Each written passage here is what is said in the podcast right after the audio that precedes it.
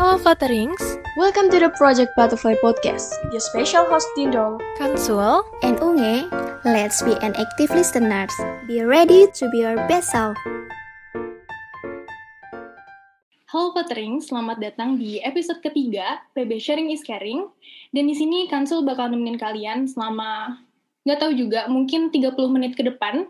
Dan ditemenin sama gestar kita yang kece abis nih. Siapa lagi kalau bukan Marin? Halo Marin, boleh dong nih kenalin dirinya dulu.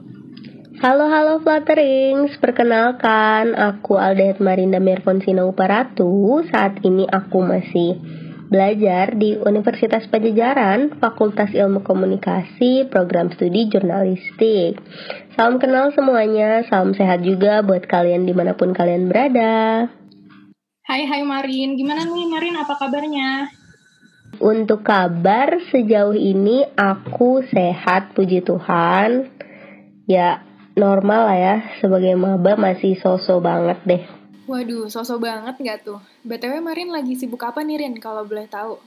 Baik, saat ini uh, seperti normalnya uh, maba, aku masih kuliah Senin sampai Jumat normal dan diselingi juga aku sedang dalam proses internship uh, BEM fakultas, lalu internship UKM tingkat universitas uh, yang yang berkutat pada bidang broadcasting. Setelah itu aku juga masih mm, mengajar karena aku punya pekerjaan sampingan yaitu mengajar anak tetangga by the way. Jadi aku mau only paid gitu dibayar bulanan. Dan juga aku masih jualan kecil-kecilan nih, jualan pre-love kecil-kecilan di akunku. Udah sih sejauh ini itu aja kesibukanku. Wah, keren banget nih Marin, agak sibuk ya kayaknya. Gimana nih Flutterings udah mulai lebih kenal kan sama Marin? Jadi bener banget yang tadi Marin bilang, Marin itu adalah mahasiswi prodi jurnalistik dan sebenarnya kita teman kuliah ya Rin kenalnya dari kampus. Bener banget kita satu kelas sebenarnya teman-teman. Betul lah, Marin. Oh iya kita satu kelas ya. Astaga Katsa. sorry sorry. Sorry teman-teman. Nah Marin nih ternyata lumayan aktif juga kan di organisasi sama UKM. Sempet capek gak sih Rin atau kayak overwhelmed gitu sama kehidupan maba ini? Soalnya kalau misalnya flashback dikit nih ya, berarti tuh angkatan gitu kayak agak kocak sebenarnya. Kita tuh SMA satu setengah tahun, terus libur, terus nggak tahu apa-apa nih, tiba-tiba lulus aja gitu udah masuk kuliah kayak jiwa-jiwanya masih di SMA tapi otak sama raganya tuh kayak harus ada di kuliah gitu nggak sih? Fiksi, yang kamu bilang menggambarkan kondisiku beberapa tahun yang lalu astaga.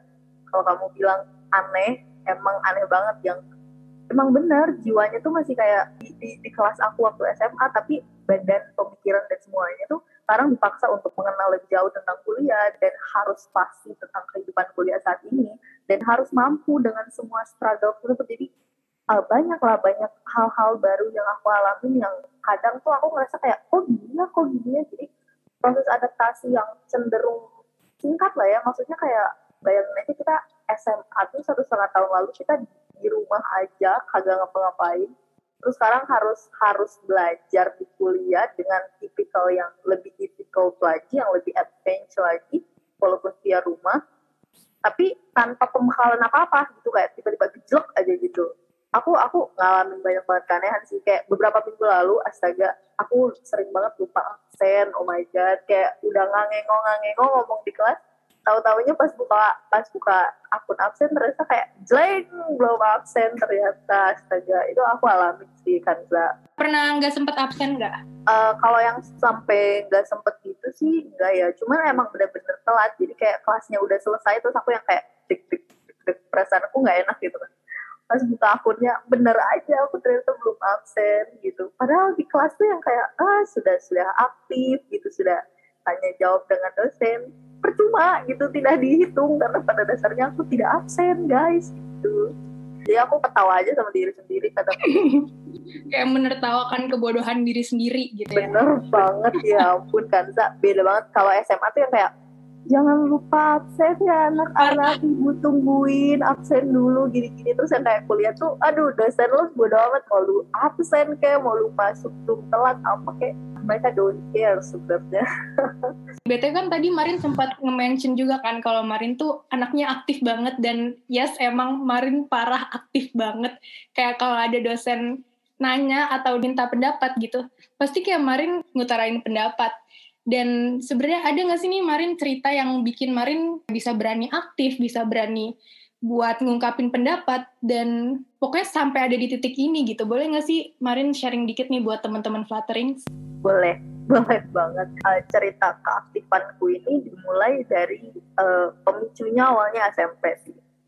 Jadi aku SMP adalah tipikal yang astaga jauh-jauh banget dari pandangan kamu tentang aku sekarang atau bahkan pandangan teman-temanku yang SMA ngeliat sosok Marin tuh kayak gimana gitu. Walaupun kelakuan gilanya mirip tapi secara studi secara pendidikan secara belajar secara kemauan untuk berprogres itu jauh sama sekali. Karena waktu SMP semua anak di kelasku totally mayoritasnya lah gitu itu adalah genius people. Aku udah nggak paham lagi cerita gimana.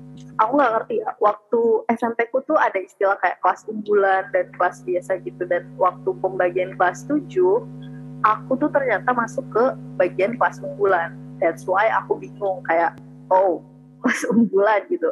Aku kira bahwa uh, apa ya dari segi kognitif aku itu sama dengan anak-anak lain di dalam kelas tersebut. Itu tuh nggak nggak demikian pada pada realitanya gitu. Mungkin aku masuk kelas unggulan itu bisa aku bilang kayak aku ada di deretan nilai-nilai bawah atau gimana nggak ngerti lah. Aku udah I don't have a clue lagi untuk menjabarkan kondisi tersebut. Tapi intinya aku merasa bahwa aku tuh jauh tertinggal dari teman-temanku aku suka merasa insecure parah. Cuman dulu aku belum tahu tuh namanya insecure. Dulu aku cuma merasa kayak aduh malu aduh gimana nih? Aduh remet mulu. Aduh kok teman-teman tuh uh, uh, apa guru nanya apa langsung joger jawab very aktif jarang remedial ngerjain tugas-tugas berasa gampang dan oh my god aku udah gak paham lagi. Sementara aku tuh yang ngerasa kayak di kok gue kayak gini sih gitu. Di kok gue gak ngerti lah ini guru ngomong apa gitu. Sering banget ngerasa ngerasain kayak gitu. Dan aku tuh ya bukan berarti aku uh, menerima apa ya kondisi kurang lah ya bisa aku bilang. Aku merasa kurang gitu waktu SMP terus bukan berarti aku menerima klop aja gitu menerima gitu. Enggak gitu. aku tetap kayak aku belajar di rumah belajar sampai kayak aku tuh udah mulai begadang-gadang tuh dari dari SMP aku tuh udah udah jam 2 pagi tuh udah coba belajar tapi kayak ih kayak nggak ada hasilnya tahu sampai aku kesel sama diri sendiri gitu. Terus kayak udah les juga gitu udah les pulang sekolah sampai ngantuk les lagi apalagi uh, pas mau deket-deket UN gitu kan ya kelas 9 tapi kayak ikut perubahannya kayak nggak ada gitu. Jadi kayak sedih gitu kan kayak akhirnya aku menyerah dengan keadaan dan ah ya udahlah udah terserah pokoknya it aja. Ya udah pas SMP aku lulus dengan dengan nilai yang ya udah ya ala kadarnya gitu jauh banget sama aku yang sekarang yang kayak punya target punya goals punya ritme sendiri untuk ngejar something dan punya apa ya cara-cara untuk mencapai itu pokoknya sekarang aku bisa hidup lebih terstruktur itu awalnya waktu SMA. Kenapa? Karena waktu aku SMA entah kenapa aku diberkati banget. Aku dapet teman-teman yang aduh jauh banget deh sama teman-teman yang SMP. Teman-teman SMP ku itu mungkin baik secara pertemanan, tapi dalam dalam kasus studi, dalam kasus kelompok belajar, dalam kasus vibes belajar itu nggak membangun sama sekali. Sementara waktu SMA, aku merasa, kok orang-orangnya lebih suportif ya. Loh, kok orang-orangnya ngasih ruang untuk aku berpendapat ya loh kok pendapat aku bisa diterima ya dan ternyata respon positif itu bukan hanya datang dari teman-temanku waktu SMA tapi dari guru-guruku aku yang jarang banget lomba gitu terus tiba-tiba pas dulu tuh udah mulai tuh ada tawaran-tawaran lomba dari guru. Jadi kayak langsung guru yang merekrut gitu kayak kemarin mau gak sih ikut lomba ini? Udah deh menang kalah mah nanti aja yang penting kemarin ikut dulu aja. Maksudnya kayak ya udah jalan dulu aja gitu. Terus awal-awal aku ngerasa kayak ini serius? Maksudnya kayak mulai tuh mulai pemikiran aku tuh mulai terpengaruhi sama situasi dan kondisi aku mulai merasa ini nyaman deh kayaknya dilihat orang tuh enak deh kayaknya ada perubahan dalam diriku tuh enak deh dan aku mulai merasa nyaman di situ dan pemikiranku juga jadi berubah dari yang dulunya kan dulu ya uh, kalau kita kilas balik waktu SMP yang aku kejar adalah apa? Yang aku kejar adalah aku pengen posisiku itu sama dengan uh, teman-temanku. Let's say orang-orang genius people di kelas. Aku pengen tuh kayak tanggaku tuh sama dengan mereka. Tapi ternyata gak bisa kayak gitu kan cara kerjanya. Maksudnya kayak ketika kamu punya kemauan, kamu ada di lantai dasar, kamu gak bisa langsung loncat ke lantai yang 10, 9 gitu. Gak bisa karena kamu gak tahu di lantai dua, di lantai tiga, di lantai empat itu ada apa? Nggak kelihatan kan? Karena kamu belum nyampe di lantai yang lebih atas gitu. Sehingga waktu SMA aku belajar untuk nggak perlu untuk uh, naik dari lantai satu ke lantai sepuluh, tapi yang perlu aku lakukan adalah naik ke lantai dua. Nah, dari waktu SMA ini, aku mulai menyadari nih bahwa potensi diriku di sini, aku sukanya ini, aku nggak sukanya ini. Dan aku bersyukur juga bahwa aku dikelilingi sama orang yang sportif sama orang yang adaptif sama guru-guru yang ternyata mendukung passionku. Karena aku di kelas IPS ya waktu SMA aku nggak ngerti lagi kenapa aku sangat merasa cocok ada di kelas itu di kelas itu aku nggak mendiskreditkan anak IPA ataupun anak bahasa cuman aku mengerti bahwa passionku ternyata ada di situ. Aku mengerti bahwa tanggaku itu ada di situ. Nah sistem tangga ini nih yang sampai sekarang aku bawa. Maksudnya jadi kayak aku nggak perlu deh bikin pusing kepalaku. Aku nggak perlu menyamai kedudukanku dengan orang lain. Aku nggak perlu ngejar mereka yang aduh sampai bikin frustasi nangis setiap malam segala macam itu aku nggak perlu melakukan itu. Aku cuma perlu jalan step by step lewat tangga yang aku punya dan aku nggak perlu ngebandingin tanggaku dengan orang lain. Karena pada dasarnya ini maaf ya aku bukan bermaksud uh, flexing atau apa gitu. Cuma pada saat digali ter ternyata kamu tuh punya satu potensi diri yang mungkin orang lain tuh nggak punya gitu. Dan dan aku astaga dan aku baru menyadari itu ketika SMA maksudnya kayak dibilang menyesal enggak sih? Karena semua orang punya waktunya ya untuk untuk berkembang. Cuman aku ngerasa bersyukur aja ketika aku ada di usia SMA aku bisa tahu apa yang aku mau ternyata tanggaku itu ada di mana terus ternyata goals aku itu apa dan lain sebagainya. Sehingga aku merasa bahwa my started point itu dimulai itu di sini nih gitu semenjak SMA sih. Itu dan ternyata kebiasaan itu terbawa sampai kuliah. Jadi gitu kan yang yang aku share juga ke teman-teman uh, sekelasku gitu bahwa ayo dong gitu. Kayak kita tuh punya tangga tuh beda-beda gitu. Jadi kamu jangan mau nyamain tangga kamu sama tangga orang gitu. Bikin tangga kamu sendiri bikin gedung kamu sendiri dan bikin lift kamu sendiri untuk bisa naik ke atas lewat potensi diri kamu, lewat apa yang kamu suka dan lewat apa yang kamu suka. Intinya kayak gitu kan. Maaf nih, agak alur ngidur nih dari pertanyaan. Apa kan balik lagi ke nama segmennya PB Sharing is Caring. Mantap banget nih. Tadi kan Marin sempat mention tentang lomba ya. Boleh tahu nggak sih Marin lombanya lomba apa tuh? Dalam bidang apa gitu? Kalau waktu SMA tuh aku pernah sosiologi ya, kalau nggak salah pertama sosiologi, beberapa kali lomba sejarah, nggak nggak ngejurus dari satu apa satu uh, materi aja gitu. Jadi kadang tahun tahun pertama kelas 10 tuh lomba ini deh cobain. Kelas 11 sama gurunya disuruh lomba ini cobain gitu. Kayak disurung-surungin aja gitu sama sama gurunya gitu. Dan dan anehnya aku mau aja lagi. Aneh banget emang jadi anak. Nah itu tuh kenapa Marin bisa mau aja gitu? Padahal awalnya juga Marin bilang nggak pernah ikut lomba sebelumnya kan dan segala macamnya. Kenapa Marin mau gitu dan berani lah istilahnya buat ngambil keputusan itu gitu. Padahal kan jaminan buat menang sendiri tuh nggak ada. Karena kamu bilang jaminan buat menang itu sendiri nggak ada. Karena faktanya pun nggak menang kan, Sa. Mohon maaf. Aku berulang kali lomba, guys. Tidak ada yang menang, jujur saja. Paling kayak masuk tuh uh, perempat final gitu. Jauh-jauh dari kata final tuh jauh. Apalagi grand final. Cuman uh, yang aku pelajari adalah ternyata makin sering kamu ikut lomba uh, jiwa kamu untuk untuk terbiasa dengan persaingan yang sehat untuk terbiasa ada di bawah tekanan waktu untuk mengerjakan soal untuk terbiasa dengan vibes apa ya berkompetisi dengan orang yang bahkan kamu gak kenal itu ternyata ketika udah biasa di jalan itu ternyata jadi kayak apa ya istilahnya demam panggungnya itu jadi berkurang. Nah hal-hal itu juga yang sekiranya membantu aku dalam kehidupan aku sehari-hari. Maksudnya kayak jadi lebih berani untuk tampil di depan umum, jadi lebih berani untuk ngobrol, jadi lebih berani untuk nyaut-nyautin guru atau dosen ngomong apa gitu.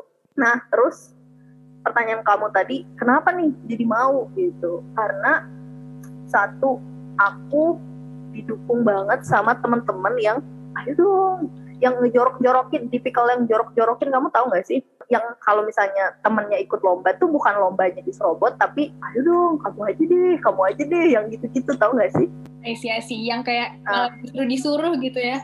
iya bukan malah nyerobot eh, lomba kamu gitu bukan malah sabotase atau apa tapi malah kayak ya ayo dong lu dong lu dong itu satu terus yang kedua aku mulai merasa nih dalam diriku sendiri bahwa ada keinginan untuk itu tuh sebenarnya ada gitu cuman mungkin dulu aku nggak punya kesempatan aku mikirnya kayak gitu mungkin SMP tuh aku mau ini dan itu tuh kayak guru tidak melihat aku aku juga tidak memunculkan kemampuanku dan lain sebagainya sih nah karena waktu SMA aku udah mulai berani nih nunjukin capabilities aku kayak gimana kemampuan aku sejauh apa sehingga keberanian itu dengan sendirinya muncul, keinginan itu dengan sendirinya muncul, ambisi yang sehat dan positif itu sendirinya muncul dalam diriku kan sa. Oke, BTW kan tadi ada satu hal yang sempat Marin omongin juga tentang saat kita nyoba hal baru, saat kita berani untuk ikutan lomba-lomba yang sebelumnya mungkin kita nggak pernah coba dan membiasakan diri untuk hal itu, sebenarnya itu juga bisa bikin jiwa kita tuh terbiasa di persaingan yang sehat gitu. Nah, cara Marin gimana sih bisa berani gitu untuk nunjukin?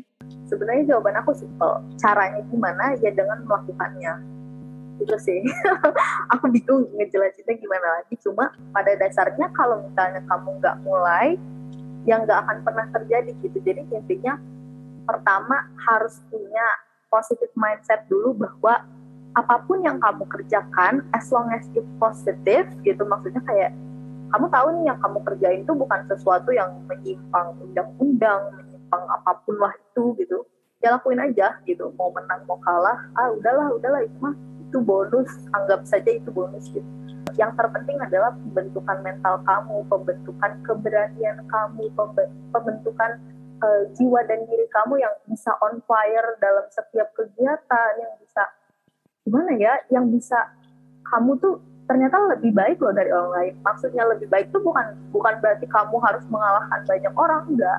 Cuman kamu tuh punya something, kamu tuh punya value, kamu tuh punya nilai yang bisa kamu bawa dan ini loh kamu gitu. Jadi intinya adalah ketika kamu mulai percaya sama diri kamu sendiri, ketika kamu apa ya sering-sering self talk gitu. Aku kadang tiap malam mau tidur tuh eh, udah lepas HP segala macem tuh, aku nggak langsung tidur, aku self talk dulu kayak kayak seharian aku ngapain aja, kesalahan yang aku lakuin seharian ngapain aja, terus besok aku harus ngapain. Nah, dari kebiasaan self-talk itu, dari kebiasaan untuk mengerti diri aku tuh maunya apa, akhirnya keberanian itu akhirnya muncul sendiri. Jadi, apa ya, keinginan kamu untuk melakukan banyak hal tuh akhirnya muncul sendiri karena kamu tahu bahwa kamu tuh bisa ini, gini, gini, dan sayang kalau nggak dikeluarin. Dan sayang kalau lapak kamu terus diambil sama orang. Pemikirannya harus ke situ. Maksudnya kayak, kalau kamu merasa itu lapak kamu, lapak tuh paham kan ya maksud aku lapak tuh mesti kayak Bidang-bidang gitu ya. ah, lapak lagi jatuhnya kayak orang jualan ya. Kalau kamu tahu itu bidang kamu, kalau kamu tahu itu passion kamu, ya ya show it gitu, tunjukin aja gitu. Orang bilang kanan kiri secara apa pun, udah singkirin dulu gitu. Yang terpenting diri kamu fokus, diri kamu maju, kamu pede, no matter what happen, orang akan nilai sendiri diri kamu tuh seperti apa dan bagaimana gitu. Padahal sih tadi tuh yang soal urusan lapak melapak ya itu tuh relate banget karena aku tuh tipe orang yang ya tadi yang masih suka ragu, masih suka takut dan sering banget aku pengen coba hal yang baru tapi justru karena kelamaan mikir, karena kelamaan takutnya gitu, justru malah jadi diambil gitu kayak kesempatannya diambil sama orang lain dan itu bikin nyesek banget parah Marin. parah nyesek banget emang kalau udah lapak udah diambil orang tuh aduh pokoknya jangan deh. Gak mungkin ambil lapak kamu sendiri. Terus yang tadi menarik juga tuh tentang self talk nih Marin. Justru aku baru kepikiran loh itu kayak kalau mau tidur sebenarnya waktu yang terbaik gitu loh untuk punya waktu sama diri sendiri. kamu kamu percaya nggak kan sa ini aku nih. Hmm. kalau lagi bawa motor sendiri misalnya kayak mau jemput apalah jemput adik ke sekolah lah atau eh, ngantar paket lah atau apa. Kamu tahu nggak aku di jalan tuh ngapain? Yang pertama kalau nggak aku nyanyi nyanyi sendiri yang kedua aku self talk pasti banget. Di jalan helmnya tutupin mukanya tutupin lu ngoceh sama diri lu sendiri di jalan. Itu paling enak. Maksudnya tapi sambil konsen juga ya takutnya kenapa-kenapa lagi. Mohon maaf nih teman-teman jadi membawa ke arah yang negatif nih. Maksudnya jalan kan kena kena angin kena udara gimana gitu ya. Helm lu tutup lu ngobrol dah sama diri lu sendiri. Kayak aduh aku tuh pengennya gini loh. Aku tuh bisanya gini loh. Aku tuh sukanya gini. Emang jatuhnya kayak orang gila sih sebenarnya. Cuman gak tau kenapa itu manjur banget astaga. Cobain deh. Sebenarnya udah udah sih. Tapi bukan self talk kayak ini loh. Kayak aku tuh suka ngebayangin aku tuh jadi narasumber gitu loh ya Allah malu-maluin banget. Bener bener banget. Aku suka ngebayangin kadang aku tuh di diwawancara siapa siapa siapa dan hari ini aku diwawancara Kansa gitu. Dan aku jadi public figure yang yang gimana gitu. Suka ngayal aja sendiri. Sampai sampai tahu kesampean kesampean gitu kan. Nggak ada salahnya untuk menghayal sesuatu yang positif gitu. Oh iya, mantep tuh. Nah itu berarti kekuatan dari positif mindset dan mind power ya. Berarti apa yang Marin pikirin, apa yang Marin yakinin itu justru pelan-pelan dan sedikit demi sedikit tuh justru jadi kenyataan gitu nggak sih Rin? Benar, benar banget. Kekuatan mind power, kekuatan uh, vibes positif yang kamu bawa dari pikiran kamu, lewat tindakan kamu juga, lewat bagaimana kamu nge-treat temen kamu. Maksudnya jangan cuman gini loh, uh, aku positif, aku positif, aku anaknya uh, sangat uh, sangat uh, apa ya bermental baja dan lain sebagainya. Aku aku punya uh, mindset yang sangat bagus gitu. Tapi itu nggak kamu tunjukin lewat perbuatan kamu, lewat cara kamu ngetrit temen kamu gitu. Maksudnya jangan cuman ada di visi misi kepala kamu, tapi tapi tunjukin juga lewat lewat perbuatan kamu, keseharian kamu, daily kamu dimulai dari lingkungan yang paling kecil gitu kan sa. Nah iya banget sebenarnya itu salah satu episode podcast juga yang masih coming soon itu tuh tentang fixed mindset dan growth mindset. Jadi aku jujur aja setelah cari tahu tentang fixed mindset dan growth mindset ini, aku jadi tahu kalau fixed mindset itu orang-orangnya percaya kalau misalnya keberhasilan dan keahlian kemampuan seseorang itu udah ada nih dari lahir dan usaha tuh nggak bisa ngubah apa-apa gitu. Maksudnya kayak kalau orang berhasil, kalau orang sukses ya berarti emang bawaan lahir, emang bakat dari lahir. Sedangkan kalau growth mindset yang aku lihat ada di Marin, itu tuh percaya kalau misalnya suatu kemampuan dan keahlian tuh ternyata bisa loh diasah dan bisa diperbaiki dengan usaha dan waktu tertentu. Betul, betul banget 100 buat kamu. Sesuatu itu gini ya, kalau aku mikirnya seburuk apa pun aku dulu, kalau aku sadar itu buruk, apakah ke depannya aku akan terus buruk gitu. Jadi aku merasa bahwa kalau aku udah sadar nih di titik ini aku udah sadar bahwa itu tuh nggak baik tahu Marin gitu. Kayak apaan sih gitu.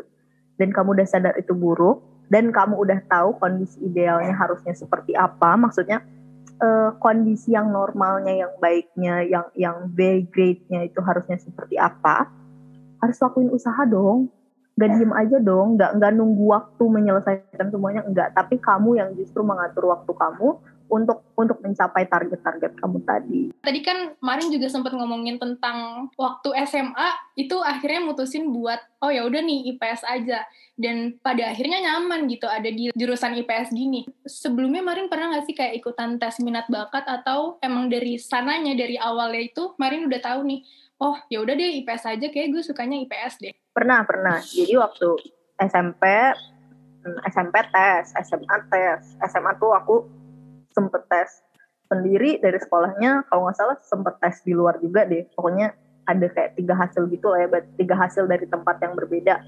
Aduh aku lupa nama. Kalau nggak salah nama tesnya psikotes kali ya. Yang ngejawab pertanyaan-pertanyaan aneh gitu lah kan yang kepribadianmu itu seperti apa. Dan di waktu kan ya kalau nggak salah tuh. Betul. Uh, terus uh, dari SMP itu ketika aku ngebaca itu memang uh, jatuhnya disarankan untuk uh, apa ya ke pekerjaan sosial. Ngakak banget aku bacanya.